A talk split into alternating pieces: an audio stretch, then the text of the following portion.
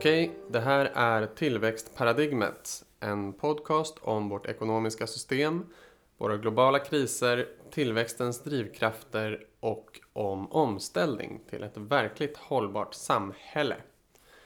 Jag heter Hannes Sanagrius och podden är ett samarbete med nätverket Steg 3.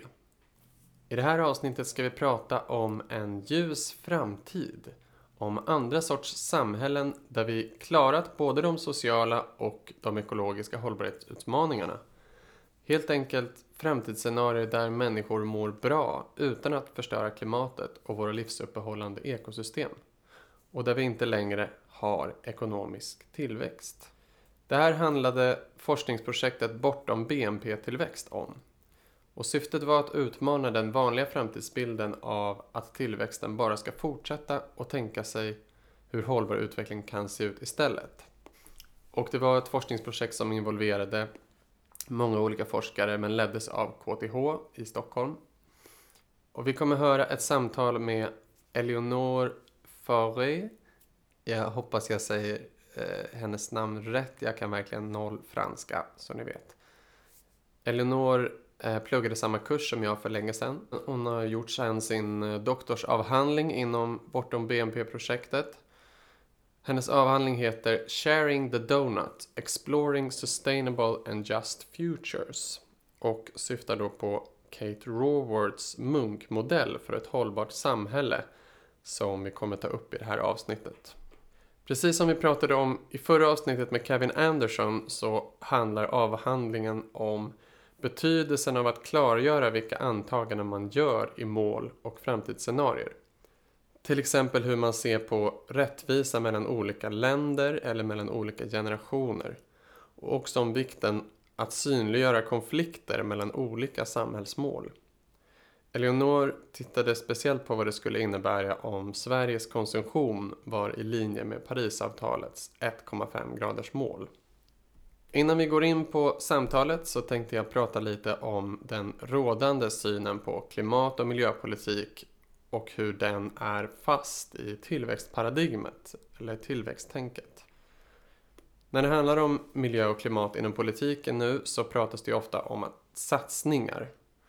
Eh, ju mer pengar man satsar desto bättre för klimat och miljö. Och det stämmer förstås att det behövs stora långsiktiga investeringar som det privata ofta inte kommer genomföra för att det inte är lönsamt för dem. Men både inom det privata eh, och speciellt inom det offentliga så behövs det investeringar i vindkraft, solceller, elnät, infrastruktur för elfordon, biogas. Det behövs också utökade pantsystem, infrastruktur för insamling och delning av gamla prylar, bilar, kläder, möbler det behövs tekniker för återvinning av material, det behövs helt nya industrianläggningar för att tillverka stål med vätgas med mera. Det behövs reningsanläggningar av utsläpp, det behövs infrastruktur för att cirkulera biologiskt avfall till jordbruket och så vidare. Lyssnar man på högerpolitiker, de marknadsliberala, vänstern eller de gröna partierna verkar ju alla vilja göra mer för att stoppa klimathotet Eh, de andra ekologiska kriserna pratar man inte så mycket om. Eh, men det som konkret minskar miljö och klimatpåverkan är ju inte att göra mer utan att göra mindre. Ett vindkraftverk är ju i sig en belastning för miljön med alla metaller, tillverkningen och transporten. Det är bara om vi samtidigt stänger ner ett kolkraftverk som vindkraften indirekt gjort nytta för klimatet. Idag lägger vi snarare till förnybart ovanpå det fossila i alla fall på global skala, även om det nu läggs ner kolkraft i Europa och USA till viss del. Men marknaden är ju global. Det behövs kapital och investeringar för en omställning, jo, men det kan ju inte vara en överbyggnad på den existerande ekonomin. Vi måste ju samtidigt fasa ut det ohållbara och smutsiga, alltså minska en annan del av ekonomin. Två aktuella exempel är ju regeringens nyligen presenterade klimatpolitiska handlingsplan och EUs nya Green Deal. Eh, det är väldigt positivt att alla samhällssektorer nu ses över och att ambitionen att klimatpolitiken ska genomsyra all annan politik är väldigt bra. Men det är tydligt att man inte vill göra några åtgärder som riskerar minska den totala tillväxten, konsumtionen eller produktionen. Åtgärderna i regeringens handlingsplan är för det första i största grad utredningar. Och det är såklart bra att saker utreds.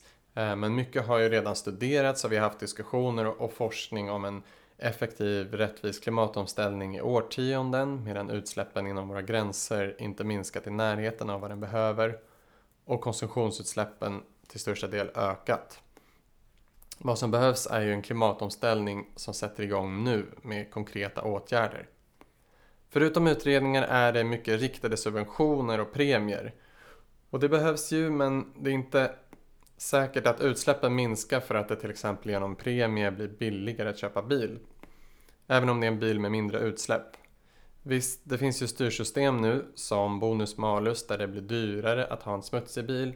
Eh, men eftersom bara cirka 1% av våra bilar är elbilar i Sverige och alla de problem med biobränslen som jag tagit upp tidigare så har det ju inte varit så särskilt kraftfullt det här verktyget. Man vill nu underlätta för elektrifiering, vilket är bra. Eh, man anger inte lika konkreta åtgärder för att mota bort de smutsiga bilarna som nu redan rullar på vägarna. En bra sak är dock konverteringsstöd som nämns för att kunna konvertera om sin bil till till exempel el.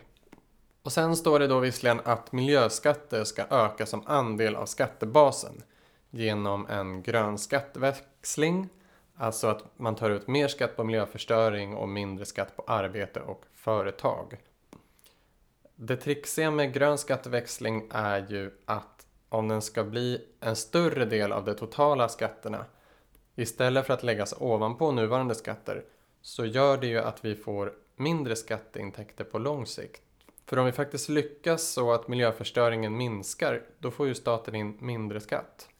Så om vi minskar utsläppen så eroderar alltså skattebasen och vi har mindre pengar till välfärd och annat.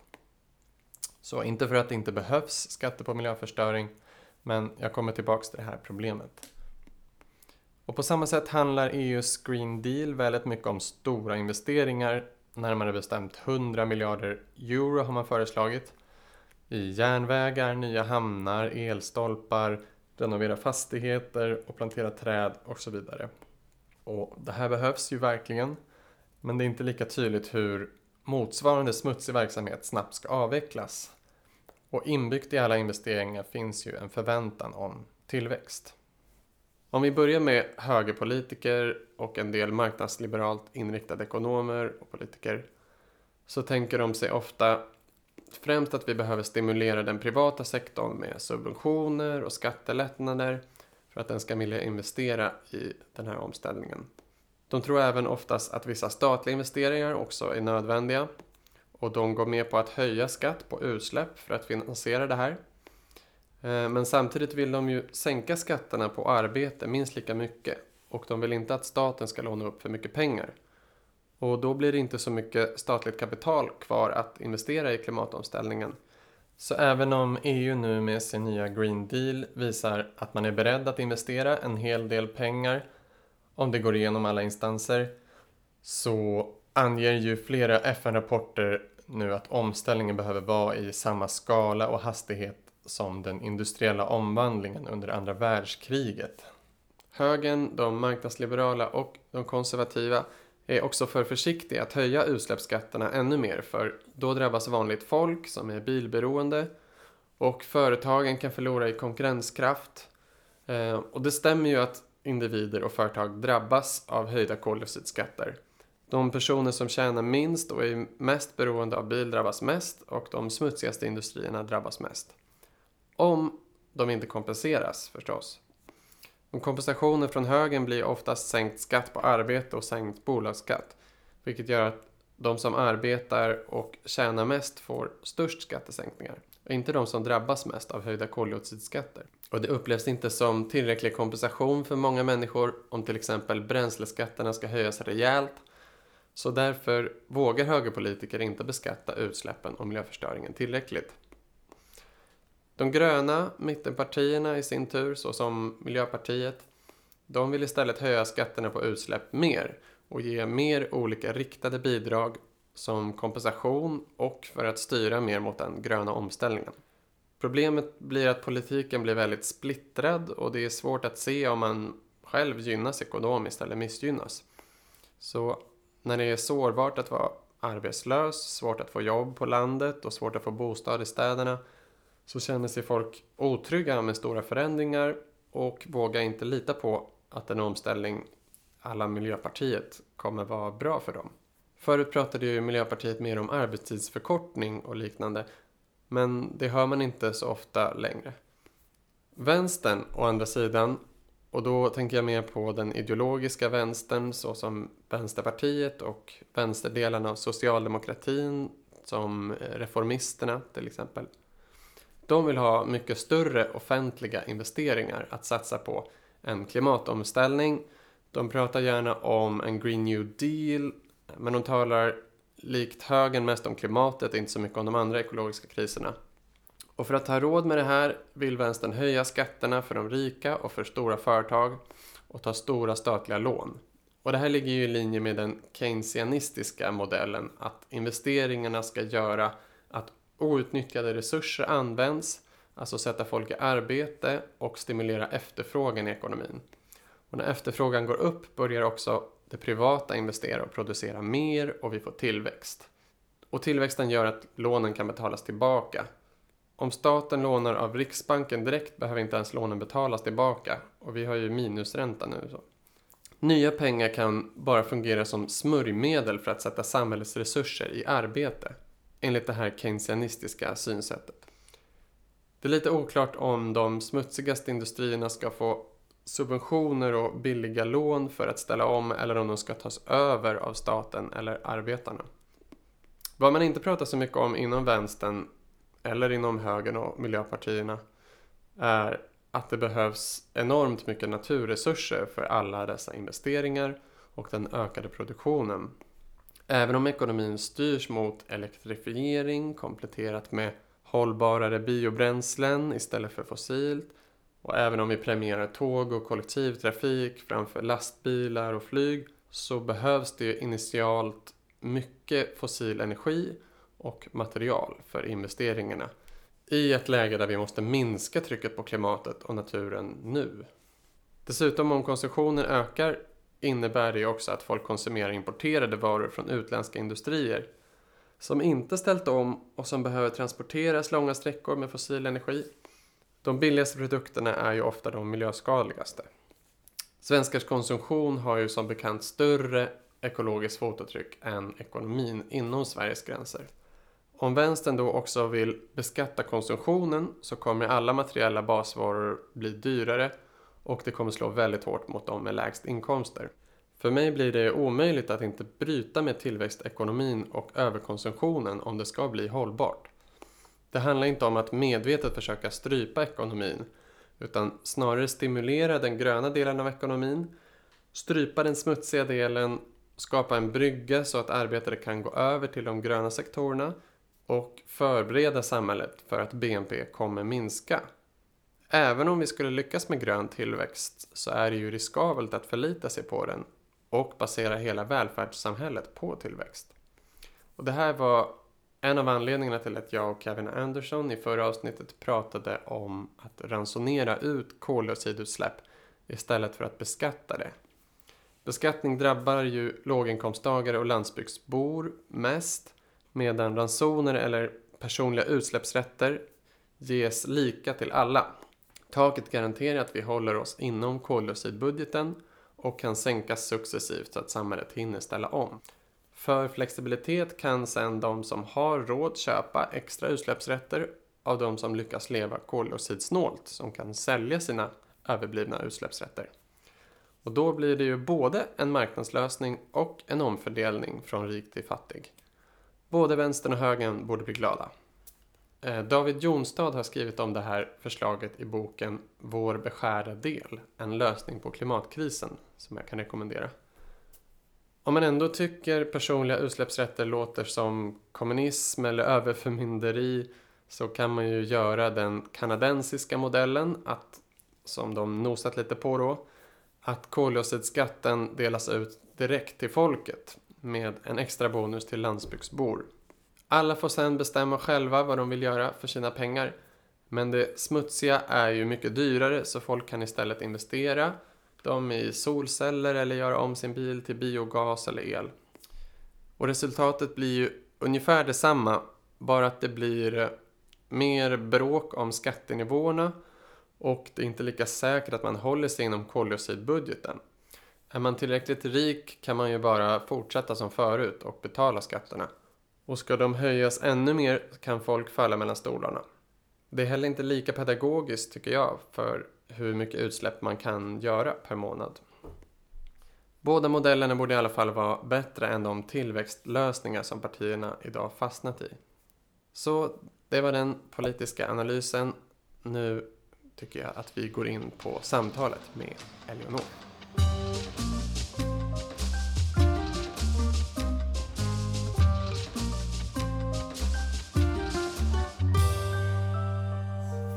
Välkommen Elinor! Tack så mycket! Eh, jättekul att du ville vara med. Eh, och vi, vi sågs väl sist på slutkonferensen av Bortom BNP-projektet? Precis, tror jag. Ja. ja. November 2018. Just det. Mm. Och eh, ja, det var ett roligt event tyckte jag, där liksom publiken också involverades och fick diskutera i olika grupper. Mm. Och det är ju ett väldigt viktigt forskningsprojekt tycker jag. För det är lite precis vad den här podden syftar till, att eh, det behövs andra berättelser om framtiden och eh, om hur ekonomi och samhälle skulle kunna organiseras mer hållbart. Men eh, efter det, vad, vad, gör du nu? Om du vill berätta lite? Ja, nu är jag forskare på KTH ja. inom en avdelning som heter um, Strategic Sustainability Studies. Um, så det är samma avdelning där jag har doktorerat och jag har jobbat både med ett projekt om um, den byggda miljön uh, och hur man kan försöka certifiera hållbara stadsdelar och jag tittade okay. mest på klimatet där och vad ska man räkna in för mm. att kunna säga om man har uh, ja, det är, att man inte begränsar sig till stadsdelens uh, gränserna utan mm. uh, alla input till stadsdelen ska också finnas med. Mm. och sen jobbar jag Eh, som många forskare med att söka nya mm. projekt och eh, undervisa till många studenter om eh, mm. hållbarhet.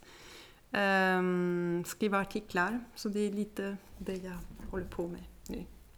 Kul. Um, så bortom BNP-tillväxtet som du arbetade inom, det involverade väldigt många forskare mm. och eh, även andra aktörer. Ja. Um, och det presenterade då sitt slutresultat förra året, 2018. Mm. Uh, vill du berätta vad projektet syftade till mm. och um, varför ja. du tycker det är viktigt? Uh, ja, och precis som du sa, vi var uh, 17 forskare mm. som jobbade inom projektet och sen hade vi både kommuner som var delaktiga som referensgrupp i vårt projekt. Vi hade även eh, en representant från näringsdepartementet, vi hade Naturvårdsverket, vi hade många olika eh, mm. personer involverade eh, i projektet. Och mycket av det material som eh, projektet har tagit fram har tagits fram tillsammans med vår referensprojekt. De har fått reagera på vilka mm. mål vi har valt och vilka våra scenarier och så Ni vidare. Ni ville ha många olika perspektiv. Precis. Mm.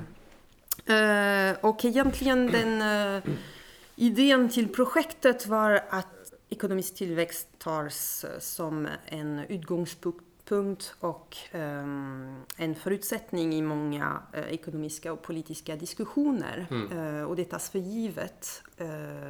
och vi vill utmana den tanken eftersom vi har sett att vårt sätt att leva och konsumera ger upphov till jättemycket miljöpåverkan i form av eh, klimatavtryck men även eh, material, vatten, markanvändning i Sverige och i andra länder. Mm. Och eh, än så länge och, eh, har vi, eh, har det inte visats att man kan eh, bortkoppla ekonomisk tillväxt från mm. ja, miljöförstöring.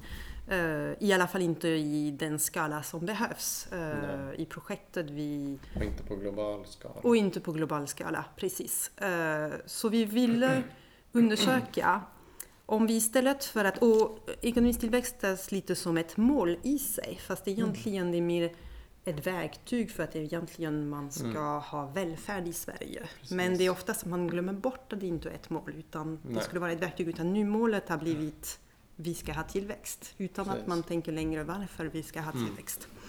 Eh, Så egentligen vi vill... eh, Är det också så att man liksom eh, oavsett om vi strävar efter tillväxt eller inte så finns det ju en risk i framtiden att tillväxten, om man nu ser det som en risk, men att tillväxten kanske avtar eller byts mot Precis. en krympande ekonomi och då Eh. att, att vara förberedd på det liksom. Exakt, det är en del av vårt projekt där vi också har tittat på olika prognoser som har gjorts. Även Mm. eh, vad man kan kalla för oortodoxa ekonomer eller Ja, ehm, ja, mainstream-ekonomer. Eh, även deras eh, prognos visar att man inte kommer att kunna förvänta sig mainstream-ekonomerna eller de inte mainstream-ekonomerna? mainstream. Ja. Eh, Det finns eh, prognoser från Ja. OECD till exempel Ja. som visar att man inte kan förvänta sig samma tillväxtökning som man är van vid. nej. Och till exempel det finns en kanadensk ekologisk ekonom som heter Peter Victor som har skrivit en bok som heter Managing without growth. Mm. Eh, slower by design, not by disaster. Och han verkligen illustrerar den där, det här problemet att om tillväxten ändå uteblir, är vi beredda för det? Om vi fortsätter planera för tillväxt men den uteblir, finns det inte en risk i det? Mm. Eh, Så eh, därför vill eh, projektet istället titta på vad är det vi vill egentligen med vårt samhälle. Om vi inte tittar på, om tillväxt är bara ett verktyg för något Mm. annat, vad är det vi vill? Eh, Och det är därför vi började med att eh, fundera på kan vi eh, försöka visa alternativa vägar? För att just nu finns det bara den här business as usual. Det är den man tänker, ja men så ska det bli. Det kommer, det kommer att bli urbanisering, kommer Mm. att fortsätta, ekonomisk tillväxt kommer att fortsätta. Det finns en brist på Mm. alternativa berättelser. Så vi valde att utveckla scenarier som heter back- backcasting, det vill säga Mm. det är måluppfyllande scenarier. Så vi sätter upp mål och de scenarierna ska uppfylla målen. Så det är Mm. inte vad händer om, utan det är Vi har redan uppfyllt de här målen. Precis, vi har Mm. uppfyllt de här, de här scenarierna ska uppfylla Mm. de här målen. Och då valde vi fyra olika mål. Mm. Eh, två miljömål och två sociala mål. Mm. Och de två miljömål de är relaterade till klimat, klimat eh, och, eh, Markanvändning. och markanvändning. Eh, och klimatet är egentligen den tittar både på klimatpåverkan för vår konsumtion, det vill säga det vi konsumerar som både produceras i Sverige men även utanför Ja. eftersom mycket av vår klimatpåverkan sker utanför Sverige. Ja. Och det finns en tendens att man bara tittar på det som händer i Sverige. Utan, Precis. Om man Ehm, lyssnar på de politiska debatterna. Exakt. Mm. Eh, och vi eh, baserade, eh, vi, vi satte en, ett mål, en siffra, som baserades på IPCC-scenarier Mm. för att inte gå över 1,5 graders eh, Mm. uppvärmning. Eh, och det betyder att eh, man, måste, man måste minska eh, dagens klimatpåverkan från svensk konsumtion med 92 procent. Så det är Mm. en enorm eh, minskning som krävs. Och samtidigt hade vi ett mål om att Sverige skulle vara fossilfri 2050 för att våra scenarier Mm. är satta för 2050. Eh, Så det är det eh, som Och gäller det är för... den liksom, inrikesutsläppen eh, som man menar att vi, alltså vi, produktionen och transporterna inom Sverige är fossilfria. Precis, exakt. Mm. Eh, sen- Men däremot i andra länder gjorde vi olika antaganden på Mm. hur ser det ut då i Ja. resten av världen. Eh, Och sen hade vi markanvändning där också eh, vi tittade även för, på en konsumtionsperspektiv, det vill säga hur mycket mark används till följd av vår konsumtion. Mm. Och den måste också minska med ungefär hälften Mm. Jämfört med idag. Det är att vi använder 3,5 liksom, hektar som man kallar global biokapacitet. Ja, precis. Ja. Ja. Och det ska bli till hälften ungefär. Ja. Mm. Eh, Så det var de miljömålen. Sen hade vi även två sociala målen som eh, en handlar mycket om demokrati, deltagande, Mm. att alla ska få vara med och eh, i beslut som berör Mm. våra liv. Eh, och den andra är mer en fördelning av resurser och det kan vara olika typer av resurser. Det kan vara finansiella resurser, det kan vara Mm. tid och eh, annat. det. Eh, som eh, är nödvändiga för att alla ska ha eh, ett tak över huvudet, eh, utbildning, Mm. eh, vad mer? Eh, Ja, social social omsorg, försäkring, social omsorg, häl- eh, god hälsa. god hälsa. Mm. Precis. Så egentligen det, det var en ganska lång process att sätta upp de där målen. Det gjorde Mm. vi med eh, referensgruppen där vi hade först, man tittade bara på hälsa, ska vi Mm. ha det som, men vi insåg att egentligen är möjligheten att, Mm. ehm, som var viktigt och kanske Mm. inte själva mäta hur många år man lever. eh, ja, Alla har tillgång till det här. Liksom. precis, alla ska ha tillgång till det.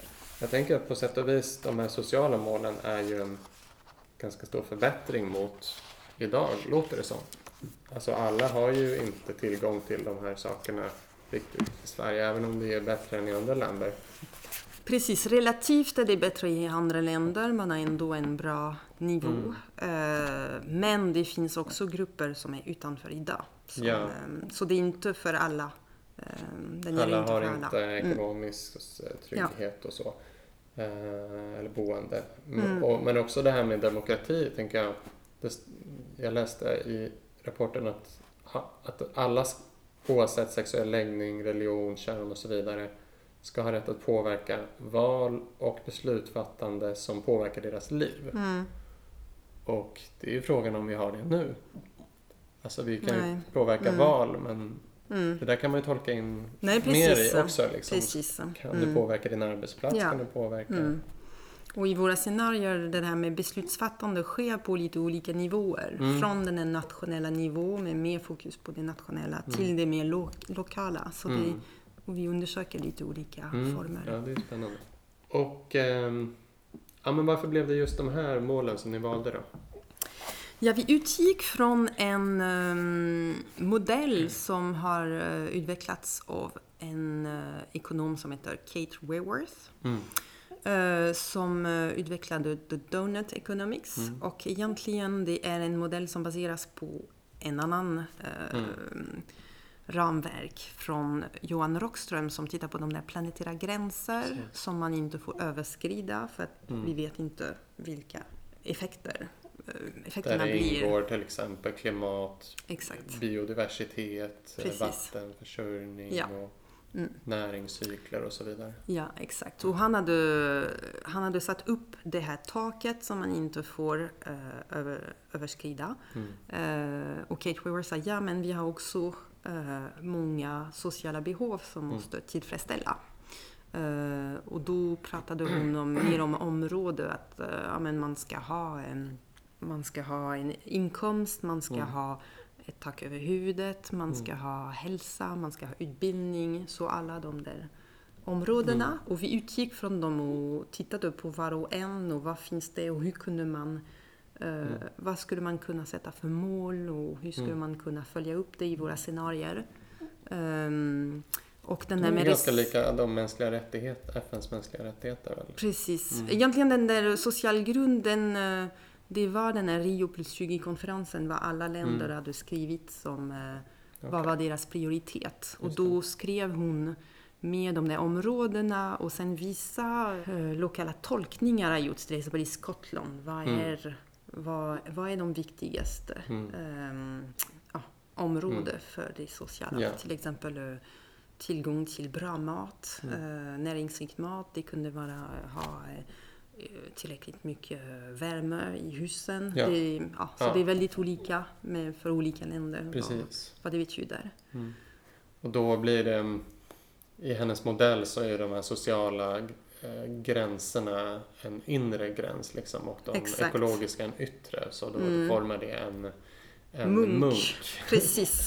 Och det är ju Den väldigt munk bra man kommunikativt. Ja, ja, precis. Precis. Inte då en, en kristen munk. Mm. eh, Det kunde vara frisyren på en munk. Ja, det skulle kunna vara. Ja. Så, eh, men, eh, och det är inom det här som hon säger att det finns Mm. ett säkert och rättvist utrymme för mänskligheten. Vi kan inte Ja. bortse från de där sociala målen. Ehm, Och egentligen implicit innebär det att det blir en viss omfördelning av resurser. Mm. Eftersom det finns den där. Det finns ett begräns, Ett begränsade resurser som Ja. vi måste fördela. Liksom. Exakt. Ja, men man kan ju verkligen rekommendera Kate Raworth att lyssna på hennes eh, TED-talk till exempel. Ja. Eller läsa hennes bok som är väldigt pedagogisk där hon Mm. går igenom den här modellen och eh, jag tror det är, är det tio olika principer eller åtta? Hon har olika principer i alla fall kring hur vi ska liksom tänka om kring ekonomi där Mm. den mainstream-ekonomin har i princip eh, vilselett oss Ja. liksom, Mm. kring hur vi skapar det här hållbara Mm. samhället inom Mm. munken. Precis. Ja, Ja. så det är väl en jättebra utgångspunkt. Mm, så det är därifrån vi tog de där områdena och utifrån det så valde vi ut fyra mål och Mm. eh, de där backcasting-scenario, måluppfyllande scenario. Hittills hade det bara varit eh, scenarier som måste uppfylla ett mål och vanligtvis hade det varit klimatmålet. Men Mm. den här gången vi ville styra, eh, vi, vi hade jobbat innan med olika scenariostudier och det är ganska svårt efteråt att börja Mm. titta på konsekvenserna av scenarierna för att man, man är in, detaljerar inte vissa områden tillräckligt för att kunna utvärdera dem. Så det var lite tanken med att ha fyra mål för att de skulle, det skulle vara ganska avancerade beskrivningar av scenarierna som vi sen skulle kunna titta lite närmare på. Vad är eh, möjligheter och problem med de där olika scenarierna? Eh, och också titta på andra eh, hållbarhetsmål. Eh, Mm. Och vad skulle bli konsekvenserna? Var tanken.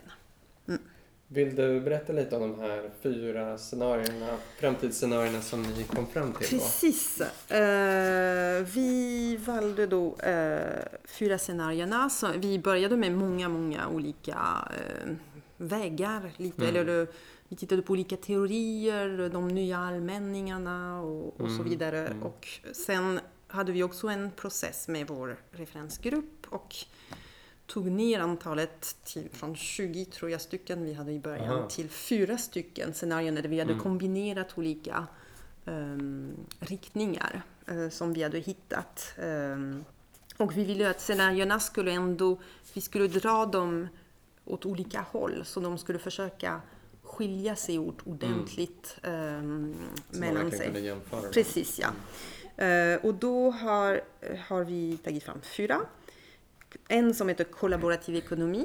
Mm.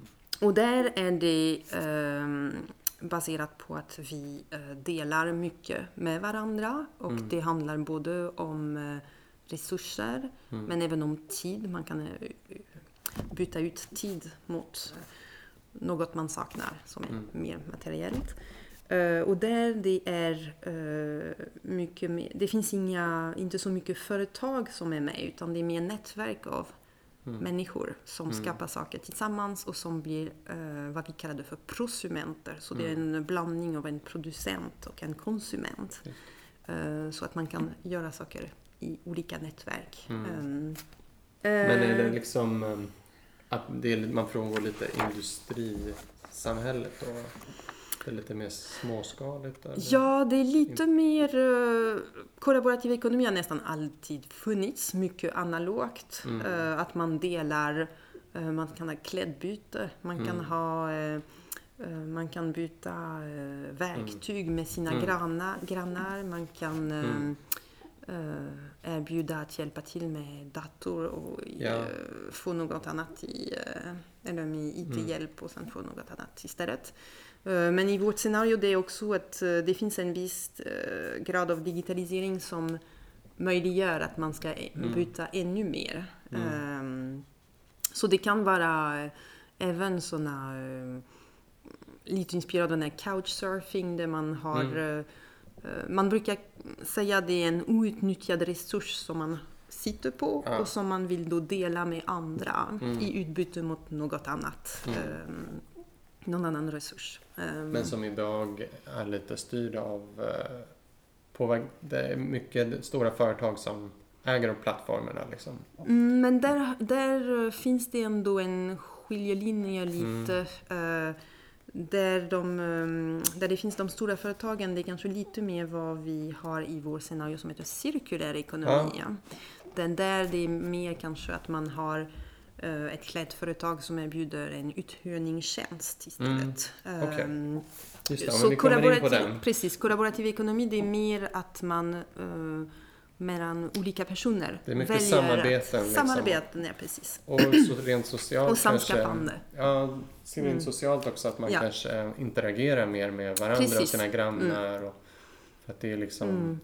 istället för att konsumera varor så är det mer Ja. tillgången till de Varor. varor, som vi behöver. Precis, så ja. att vi kan Mm. dela på tillgången. Och att man lär sig, det är också en utbyte av kunskap. Till exempel vi eh, hade en studie som handlade om cykelsök där Mm. man eh, då går med sin cykel och får hjälp att reparera den och då träffar man olika människor och sen kan man också själv Mm. hjälpa till andra. Och, Mm. eh, så det är, det är både en social Mm. aktivitet och eh, Ja. att man eh, producerar Mm. konsumerar samtidigt. Eh, Just det, vi kommer in mm. tänkte fråga dig det sen, men, men en del av eh, din forskning var ju då att ta reda på vad finns för exempel idag på de här, eh, eller? Eh, ja, det var en del av min forskning där jag försökte tänka hur skulle vi leva i vardagen eh, i våra scenarier? Och då Mm. försökte jag intervjua olika... Ja, för du intervjuade Eh, mig en gång. precis. Men den har jag faktiskt inte producerat än. Nej, Men hur eh, försöka hitta människor som idag lever som i våra scenarier. Ja, Varför de gör det och så vilka hinder det finns. just det. Ehm, Mm. ja, Okej, precis. ja, men det var en del av det. Mm.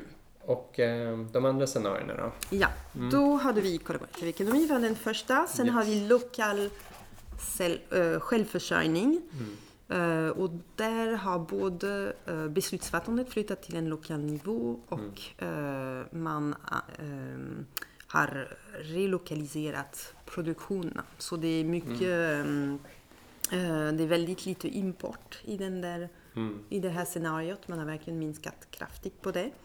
Det är också en utflyttning till landet, mycket mer. Mm. Det är mycket mindre urbanisering, så det är en annan typ av, be- av boende än Mm. eh, vad som finns idag. Eh, så livet eh, är mycket mer lokal. Man eh, rör sig mycket mer lokalt. Mm. Eh, man producerar. Det, också, det finns också mindre, ingen gräns mellan arbetstid och fritid utan man Mm. pro- producerar mycket själv.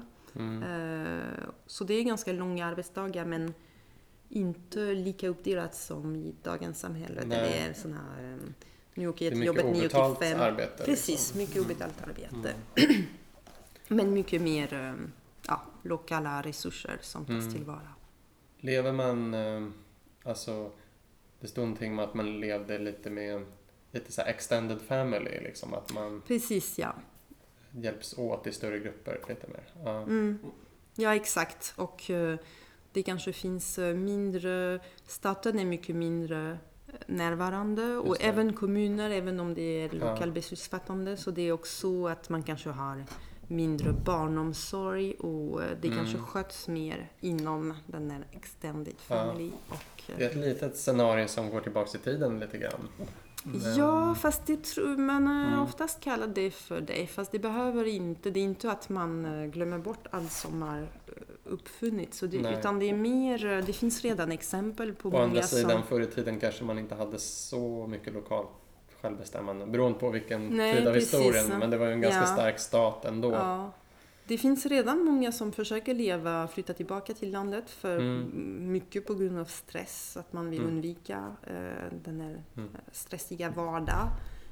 Idag går det inte att leva på det utan man måste Nej. oftast ha en, eh, ett arbete bredvid. Men i vår scenario så går det att leva på det. Mm. Så Ja. det är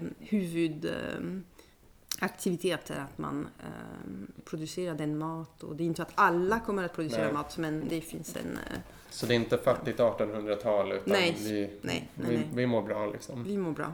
De ska uppfylla de där sociala Ja, målen. Mm. Så det, är- det är inget skräckscenario. Och, och städerna kanske också ser lite annorlunda ut Ja, precis. Det det, de är inte, idag är det, eh, de lever mycket på landsbygden. Nu eh, är det mindre människor som eh, Mm. bor i städerna. Mm. Men det är fortfarande människor som bor i städerna. Mm. Men det är mycket, mycket mindre den där... Men kanske att man Eh. har lite självhushållning även i städerna då? Jo, det kan Mm. vara att man Mm. även odlar egen mat Mm. där. Att man, man försöker använda den mark som finns där den finns. Ja, spännande. Ska vi gå in på nästa? Ja. Nästa scenario heter automatisering för livskvalitet. Eh, och där eh, är då fokus på både automatisering och digitalisering. Men ehm, automatisering eh, har egentligen syftet med det i det här scenariot var att befria människan från Mm. eh, arbetet. Mm. Så eh, det är inte för att vi ska bli ännu mer ehm, effektiva och Nej. jobba mer och producera mer utan Just det var mer för att människan skulle få ehm, lite i Keynes anda att man skulle Ja. få eh, minskad arbetstid. Man använder effektivitetsvinsterna till ökad fritid Ja, istället för ökad produktion. Exakt. Mm. Så i det scenariot så arbetar man i genomsnitt 10 timmar i veckan. Så det är en ganska drastisk Nice. minskning. Precis. Eh, och det är mycket av tiden som går åt sociala aktiviteter där man också tar hand om, eh, om man tar ett exempel på eh, vården till exempel, kanske de där eh, robotar eller automatisering tar hand om de mer jobbiga arbetsuppgifter, Mm. bära saker, Mm. bädda sängar, göra med, Mm. Medan man kan ha fler människor som istället eh, Mm. spenderar tid med människor och ehm, tar hand, eh, lite mer omsorg. Mm. Eh, De sociala jobben är fortfarande Exakt. människor Ja. som Mm. sköter. Ja. exakt. Så, och där är det lite mer regionalt ehm, i, det, ehm, i det scenariot. Och i det scenariot har man också en eh, fokus på eh, Eftersom man jobbar mycket mindre och Mm. det är, den är, eh, fritiden är viktig men den fritiden den fylls inte med en massa långväga resor till andra länder. Nej. Utan det också finns en tillräcklighet som, är, eh, som Mm. präglar Mm. eh, samhället. Så det är en ganska låg materialkonsumtion Mm. i eh, det scenariot. Och vad gör folk på sin fritid i scenariot? Ja, eh, som jag sa, man är ganska social och, Mm. och um, umgås med varandra. Man Mm. kan också eh, vara i naturen, man kan... eh, Mm. Lite fler mötesplatser? Ja, liksom. precis. Ja. Det, man är också mer eh, engagerad i samhällsfrågor. Det är Just mycket det. mer direktdemokrati. Och, eh, så man har mer tid att engagera sig i samhällsfrågor. det stod någonting om att digitaliseringen hade också möjliggjort att direktdemokrati blev lättare. Liksom. Mm. Man kan kanske rösta Mm. med en app eller något sånt där. Ja, precis. Jag vet inte, Mm. så tolkade jag. Ja, jo precis. Och där, hur är det med staten och privata företag? Är det liksom annorlunda Eh, från det här kolla- kollabor... Jag kan säga det, kollaborativa? Ja, precis. Här är det... eh, det finns en då styrning i och med att eh, vinsterna från uh, den här automatiseringen ska Mm. komma människorna till godo. Så det finns en Mm. distribuerande mekanism Ja. som eh, staten då... eh, Så det är någon slags Mm. samverkan med Ja. privata och, och Precis. det offentliga? Ja. Ja. Okej. Och Det sista scenariot då? Ja, eh, sista scenariot heter cirkulär ekonomi i välfärdsstaten och eh, där är eh, huvudsaken att man eh, försöker återanvända mycket det Mm. som finns så att man eh, minskar uttag av resurser Ja. och försöker få saker att hålla längre. Mm. Ehm, där är det ganska likt dagens situation när man fortfarande jobbar 40 timmar i Mm. veckan. Staten är ganska stark fortfarande. Mm. Men också näringslivet? Liksom. Men också li- näringslivet. Och där har vi lite den här som vi pratade om innan. Att där kan man ha då, eh, det är också någon typ av delande fast det är mer styrt uppifrån från Mm. företag där man kanske hyr kläder istället för att köpa nya. Det. Så det är mer, ehm, det är fortfarande företag som vill... eh, Man köper tjänster? man köper tjänster. istället för eh, Mm. varorna. Eh, och sen det är också att eh, det är mindre materiell konsumtion för det är, det är inte lika hög Nej. social status att ha mycket saker utan Nej. mer att göra de rätta saker och kanske, Mm. man kanske längtar också till naturen. Mm. Eh, Och det stod att avfall existerar inte.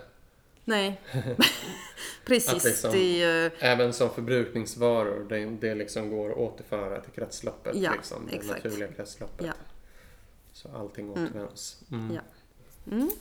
Mm. Så det är de eh, fyra olika eh, scenarierna. Och Ja. här har, man fortfarande en ganska centraliserad befolkning. Så det är fortfarande många som bor i Mm. städerna. Eh, cirkulära samhället. Ja, precis. Just det.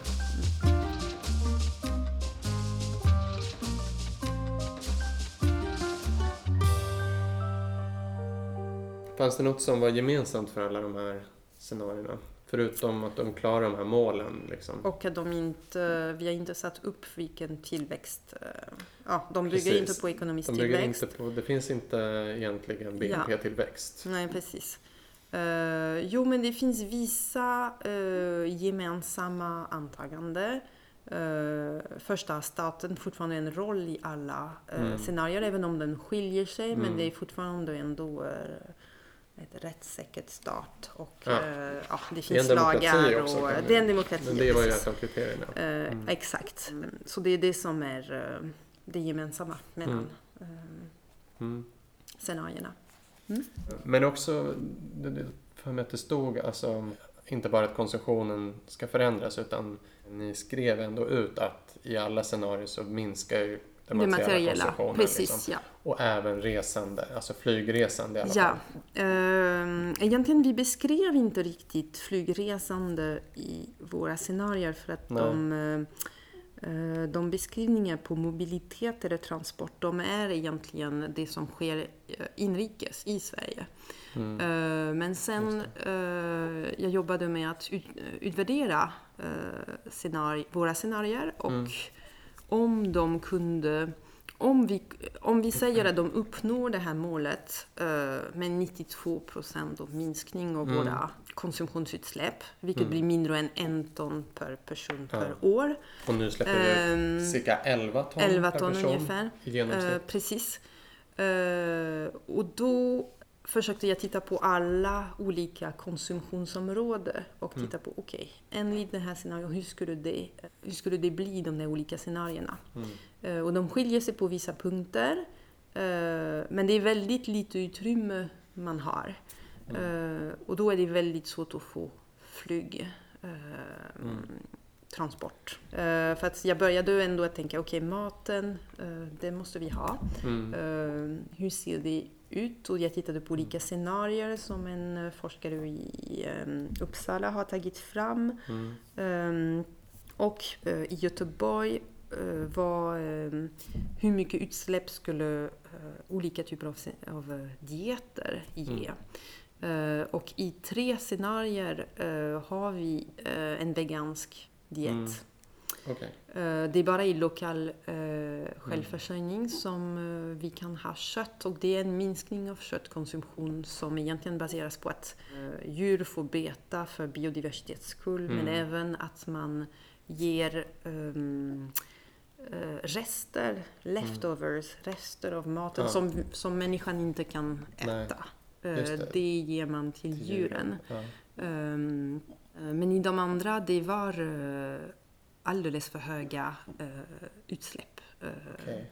Som tog ungefär mer än hälften av det utrymme jag, vi hade i de scenarierna. Så i tre av scenarierna så äter alla helt veganskt? Ja, och sen det finns ett litet... eh, De eh, två scenarier som jag hade svårast att...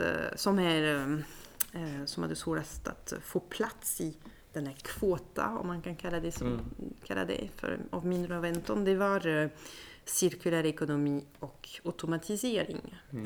Eh, för att man hade eh, fortfarande i cirkulär ekonomi, när man hade fortfarande in, infrastruktursatsningar som Mm. ändå gav upphov till rätt mycket eh, utsläpp.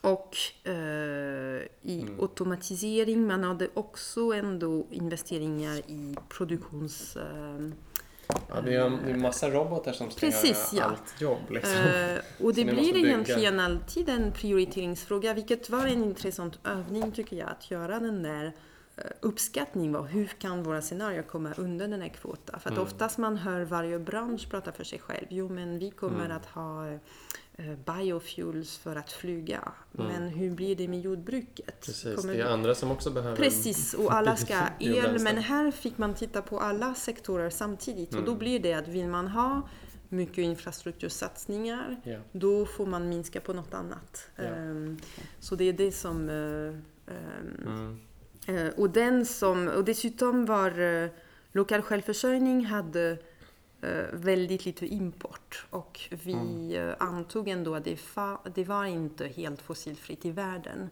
Mm. Och då ju mer import man hade, och det var automatisering hade mest import för det var Mm. fortfarande specialiserad produktion. Ehm, då, ehm, då blir det utsläpp från Ja. våra importer som vi måste räkna in. Så, Precis. ehm, så därför hade de scenarierna ganska svårt då. Mm. Och där är det vegansk i automatisering, man också bo mycket mindre. Det är energieffektivt men Mm. man får ändå bo eh, Mm. mycket, på mycket mindre ytor. Mm.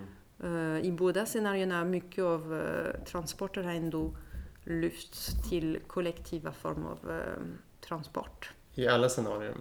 I alla scenarier, fast i olika grader. Ja. Eh, men även, spårburen liksom, även i... eh, trafik. Precis, även i ehm, både automatisering och cirkulär ekonomi, det är ungefär, privatbil har minskat med ungefär två tredjedelar. Utan själva resandet ökar något i eh, cirkulär ekonomi. Men eh, den har nu förflyttats till Ja. Tågtrafik eller även sådana elvägar som eh, eh, för de resterande Mm. bilar. För mig är det lite som att um, den största skillnaden mellan scenarierna är liksom eh, antaganden om teknikens utveckling. Liksom, Mm. Hur teknikoptimistisk man är. lite. Ja. Mm. Om man tänker att den självförsörjande scenariet Alltså nu alla scenarier är väl liksom sina extremer så det Mm. Ingen är väl så jättetrolig att den blir till 100% kanske. Nej, nej, nej, nej. Det är, Men, men den, det scenariot är ändå kanske att man inte har så man är inte så teknikoptimistisk Nej. som i den här cirkulära eller automatiserade. nej, precis så. Det är, det är skillnad. Och Mm. det är viktiga antaganden för att jag menar, skulle man ändra dem så Mm, då når de inte målen. Så det är Nej. ganska viktigt. eh, precis. Ehm, Så till exempel ehm, i automatisering för livskvalitet. Vi har ehm, ehm, ändå antagit att ehm, eh, produktion utomlands den kommer vara eh, mycket mindre utsläppsintensiv. Det vill säga att det kommer att ge, per enhet man producerar blir det mycket mindre Mm, växthusgasutsläpp.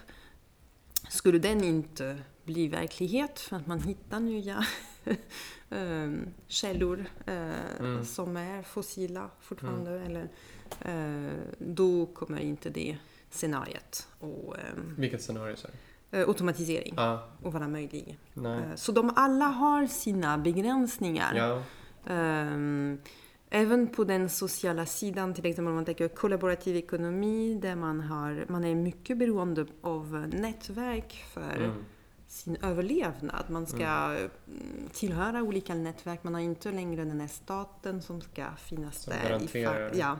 nej. Och då kan det vara att eh, inte alla vill kanske, eller kan vara med i Nej. nätverk. Eh, så det finns, alla har på, eh, Mm. både möjligheter men även Risker Ehm, liksom. risker, ja. Och som du sa innan, de där scenarierna, det är inte att vi tycker att de ska realiseras. Det är mest att vi har försökt sträcka oss eller, Mm, åt olika håll. Det är bara fyra av många som man kunde ha tittat på, men eh, som försöker ändå skilja sig från varandra, Mm. både i hur det styrs och eh, mm. vad är huvudstrategi Mm. i de scenarierna.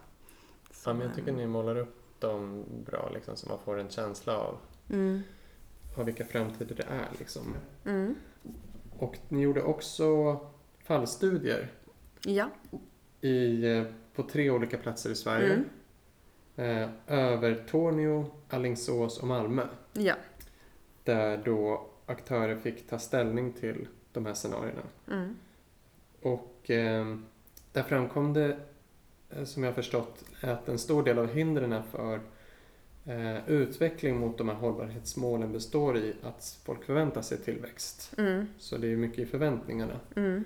Eh, men också att det sker en del liksom, experimenterande ute i landet.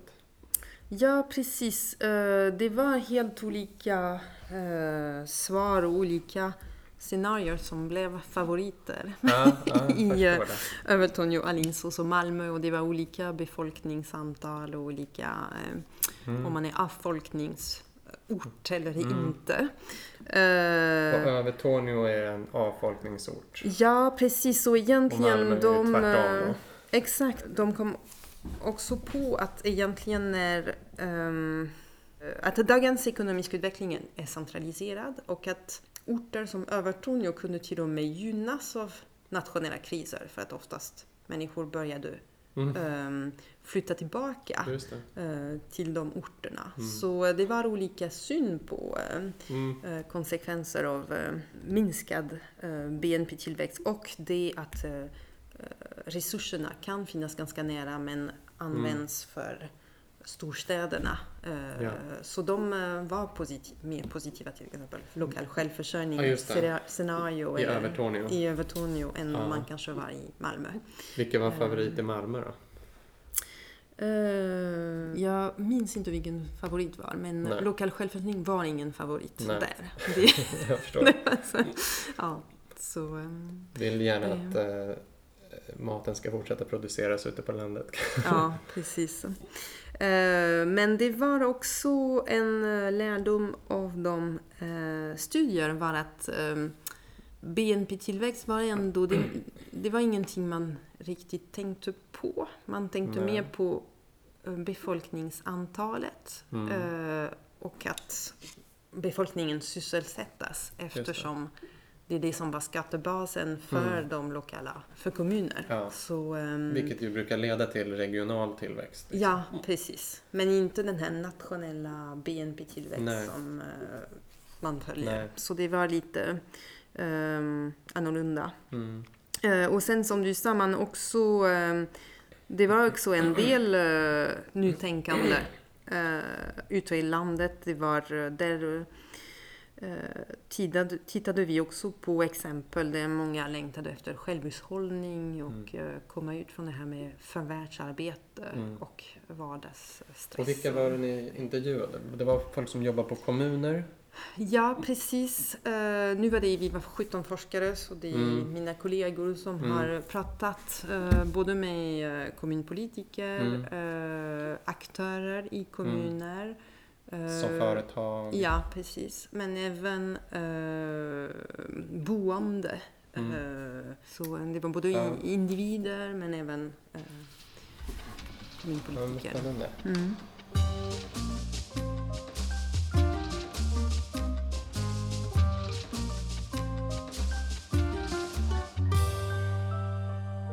Hur mycket av eh, tillväxtsträvan i, i dagens samhälle och dagens ekonomi skulle du säga handlar om just förväntningar och antaganden och eh, även spegla våra värderingar liksom nu? Jag tror att det finns vissa mekanismer, jag menar, vi är enormt belånade. Mm. Eh, Så det finns vilka mekanismer som gör att vi vill tro på att det Mm. tillväxt ska fortsätta. Mm. Eh, Och det är lite svårt att ändra det Mm. så här. Eh, Jag tror också att vi saknar alternativa bilder. Det är svårt att tänka sig. Mm. Vi har haft eh, århundraden av tillväxt och vi har svårt att tänka oss något annat. Och de exempel vi kanske har sett är mer ekonomiska kriser som sker plötsligt. Mm. Ehm, som kanske också har mycket att göra med belåning, överbelåning och, ehm, Och, och, då alla blir verkar det, helt förvånade när Ja. det händer. och då blir det skrämmande. Eh, därför tror jag att vi behöver den typen av projekt som undersöker vad skulle det innebära. Och vi har eh, två ekonomer som har publicerat en studie inom eh, projektet som visar också att det är mest de kortsiktiga konsekvenser som blir svåra för att vi planerar för tillväxt. Och därför blir det problem om tillväxten uteblir. Mm. Men om man planerar annorlunda så kan Mm. eh, man på lång, eh, långsiktigt kan Mm. man då eh, motverka Mm. eh, Och inte bli lika konsekvenser som, beroende eh, av tillväxten. Liksom. Nej, precis. Nej. Ja. Som arbetslöshet. Då måste vi or- organisera om samhället. Mm. det Ja, jag håller med. blir mindre sårbart. Jag tänker att, ehm, att, att det här tillväxtfokuset och tillväxtsträvan vi har i samhället har mycket med olika aktörers förväntningar att göra och eh, någon slags spårbundenhet. Att man är inne i ett... Man har sitt eget uppdrag, man är fast i ett spår och förväntar sig att det ska fortsätta på det sättet. Mm. Till exempel kommuner som ni tog upp eh, vill locka dit befolkning, man vill Ja. stimulera regional tillväxt för att få Ja. bort arbetslöshet och kunna Mm. finansiera välfärden. Eh, och företag vill ju öka sin försäljning så det Ja. man fokuserar på det. Mm.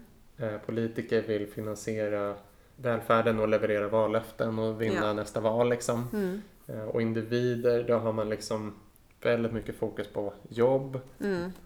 och ehm, konsumtion för det är liksom så man kommunicerar vem man är och Ja. kommunicerar med sina vänner. Mm. Bostadslån. Och sina bostadslån och betala av som jag inte har än så länge. Mm. Ehm, tack och lov. Ehm, och liksom spara ihop pengar till det man drömmer om i livet. Det är liksom Mm. någonting som ska komma i framtiden hela Mm. tiden. Liksom. Ja. Så jag tänker om man ska ändra på det här, eh, vad folk liksom strävar efter och den här, komma ur den här spårbundenheten. Mm. Då är alltså ett sånt här projekt är ju ett bra första Ja. steg. Men vad behövs mer? Jag tänker, kan det ha något med liksom att vi behöver prata om värderingar och vad vi, vad vi strävar efter i samhället liksom? Eh, det tror jag Mm. vi behöver. Ja. Det tar ganska lång tid att ändra eh, värderingar och vi blir ständigt påminda av eh, reklam att eh, vi Mm. blir mycket lyckligare bara Mm. vi får åka till Thailand nästa Mm. Vinter. Och, Mm. ehm, och det är det som är viktigt och eh, det har vi förtjänat för att vi har jobbat så himla mycket Mm. hela året. Och, eh, så det är um, djupt förankrat i, Mm. och vi blir påminda av det hela tiden. Att det är det Mm. som är viktigt. Mm. Ehm, det var, jag tror det var Chalmers som hade publicerat för några år sedan eh, olika aktivitet eh, som man tycker om och vad som ger upphov till mycket klimatutsläpp. Och Mm. egentligen mycket av det vi verkligen värdesätter högst, Mm. umgås med vänner, familjer, de ger inte, om man inte då åker till Thailand med hela familjen, de, de ger inte upphov till så mycket Nej. utsläpp. Utan det var andra saker som att pendla till arbetet. Mm. Det är väldigt låg glädje i Mm. det. eh, Och väldigt höga utsläpp. Så att man... eh, Samtidigt när man liksom Ja, när man träffar sina vänner och sin släkt så kanske det ofta är man pratar om vad man ja, har köpt, man ger varandra presenter. precis. Att det kretsar Ja. lite kring konsumtion ofta. det är sant. Men ja, det finns ändå några eh, inslag eh, om man tittar på ehm, det som har hänt nu med tågresandet. Det har ändå börjat förändras, både underifrån med den här Mm. tåggruppen. Mm. Eh, nu börjar eh, politiker, eh, eftersom det är ett stort tryck, Mm. att man börjar... eh, Underlätta för... under, ja, precis. De börjar tänka, jo men vi kanske ska Mm. rusta upp igen det vi en gång hade. Jag åkte tågresa till, till Italien i somras och i Tyskland när vi klev på tåget så var det i princip bara svenskar på, Ja, perrongen. Liksom. Det, är, det är en Ja. hype liksom. Ja, verkligen. Jag åkte till Frankrike i somras Ja. och det var också många svenskar Ja. på tåget. Ehm, Men det blir, eh, även om det är många eh, strukturella problem, eh, jag tror att om, det finns ett tryck, tillräckligt många är villiga att visa att det här vill vi att man satsar, så blir det att till slut man påverkar även politiker som känner okej, det finns stöd för det här, vi kan kanske börja Mm.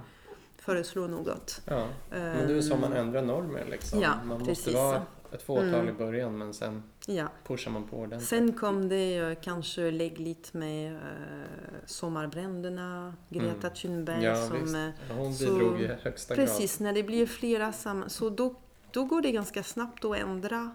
Mm. eh, börja förändra. För det är fortfarande många som... Sen behöver man hjälp uppifrån liksom. Ja, Att det kan inte bara vara vi som ska göra det liksom. nej. Och måste- det ska inte vara dyrare att eh, åka tåg än att flyga. Så det finns... Mm. eh, man ska underlätta, så det måste Mm. eh, politiker se till.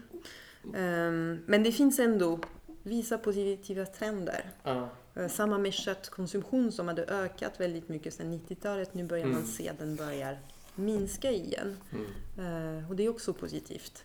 Men eh, som sista fråga då, relaterat till det liksom. se- Ser du några tecken på att vi kan förändra systemet lite inifrån? Alltså, för det är ju ofta en diskussion mellan de som är ganska överens om att vi har ett Mm. ohållbart ekonomiskt system, vi har ett Mm. ohållbart eh, samhälle. Ska man liksom, måste man avveckla hela systemet vi har, konfrontera det verkligen och bygga Mm. upp ett nytt? Eller kan man liksom Mm. eh, jobba med det vi har för att försöka förändra inifrån. Liksom. Mm. Har du sett några exempel i det här projektet på att man kan förstora upp saker som finns? Eller måste vi faktiskt Mm. vara hårda och liksom konfrontera? Jag tror att vi har systemet. sett att det finns eh, spår på förändringar som kan ske inom systemet. Mm. Trots systemet Mm. kan man ibland säga. Som till exempel när jag intervjuade eh, människor som jobbar eh, med lokal självförsörjning men Mm. som inte riktigt kan leva på det i Nej. dagens... och som ibland kanske inte lever helt hå- hållbart för att de inte har råd att åka tågresa. Så, ehm, så jag tror det kan finnas frö. grundtrygghet så kunde de göra det kanske. Precis. Mm. Eh, Så det finns eh, några frö till förändringar men jag tror att det krävs mycket mer omfattande Ja. förändringar för att det ska verkligen eh, kunna Mm. slå på riktigt. Vi har många, eh, eh, många subventioner till ohållbara Mm. verksamheter som måste bort. Är det första det. som är... eh, Och vi måste också börja ehm, prata om något som är ganska enkelt, att minska eh, konsumtion och inte Mm. bara förändra den. Ja. Eh, Visst.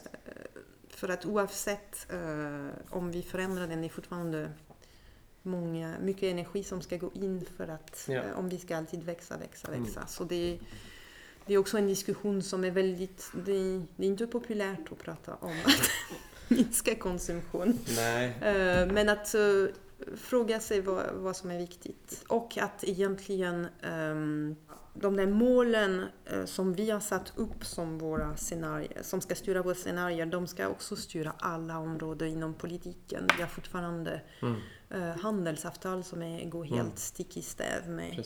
Ehm, och och det, det går inte. Man måste... eh, Det måste genomsyra allt. Liksom. Ja, Mm. precis. Eh, Så Ja. det är en stor förändring som måste till. Mm. Eh, Man ska inte bara ha en miljöminister som ska Nej. Eh, kunna uttala sig om vissa områden utan Mm. allt ska... eh, Och det är lite vad eh, Klimatpolitiska rådets eh, roll ska Mm. ha. De ska också titta på olika... Ha det eh, övergripande. Precis, titta på eh, hur ser det ut med våra olika... Så man skulle kunna sammanfatta att vi för att få till förändring så behöver vi både forskare som du Ja, och eh, de som kanske flyttar ut på landet och försöker, självförsörja, försöker försörja sig själva. Eh, men också de som faktiskt ställer sig och protesterar mot Ja. eh, det här kolkraftverket och ställer Ja. sig i vägen för... Mm. Så alla behövs helt enkelt. ja det tror jag. Ja. Tack så mycket för att Ja, du tack ville själv. vara med. Tack. Elinor. Tack så mycket. Så det var allt för den här gången. Sen till nästa avsnitt har jag två spännande inspelningar och har inte riktigt bestämt vilken jag ska ta först. Men det kommer på något sätt gå lite djupare in i vad tillväxt är, vad som driver den och eh, hur ekonomiskt värde skapas. Så håll utkik efter det. Och om du gillar podden så hjälp gärna till att sprida den i sociala medier, till vänner. Skriv gärna en rekommendation i poddplattformarna eller på vår Facebook-sida. Alright, god jul på er. Hej hej!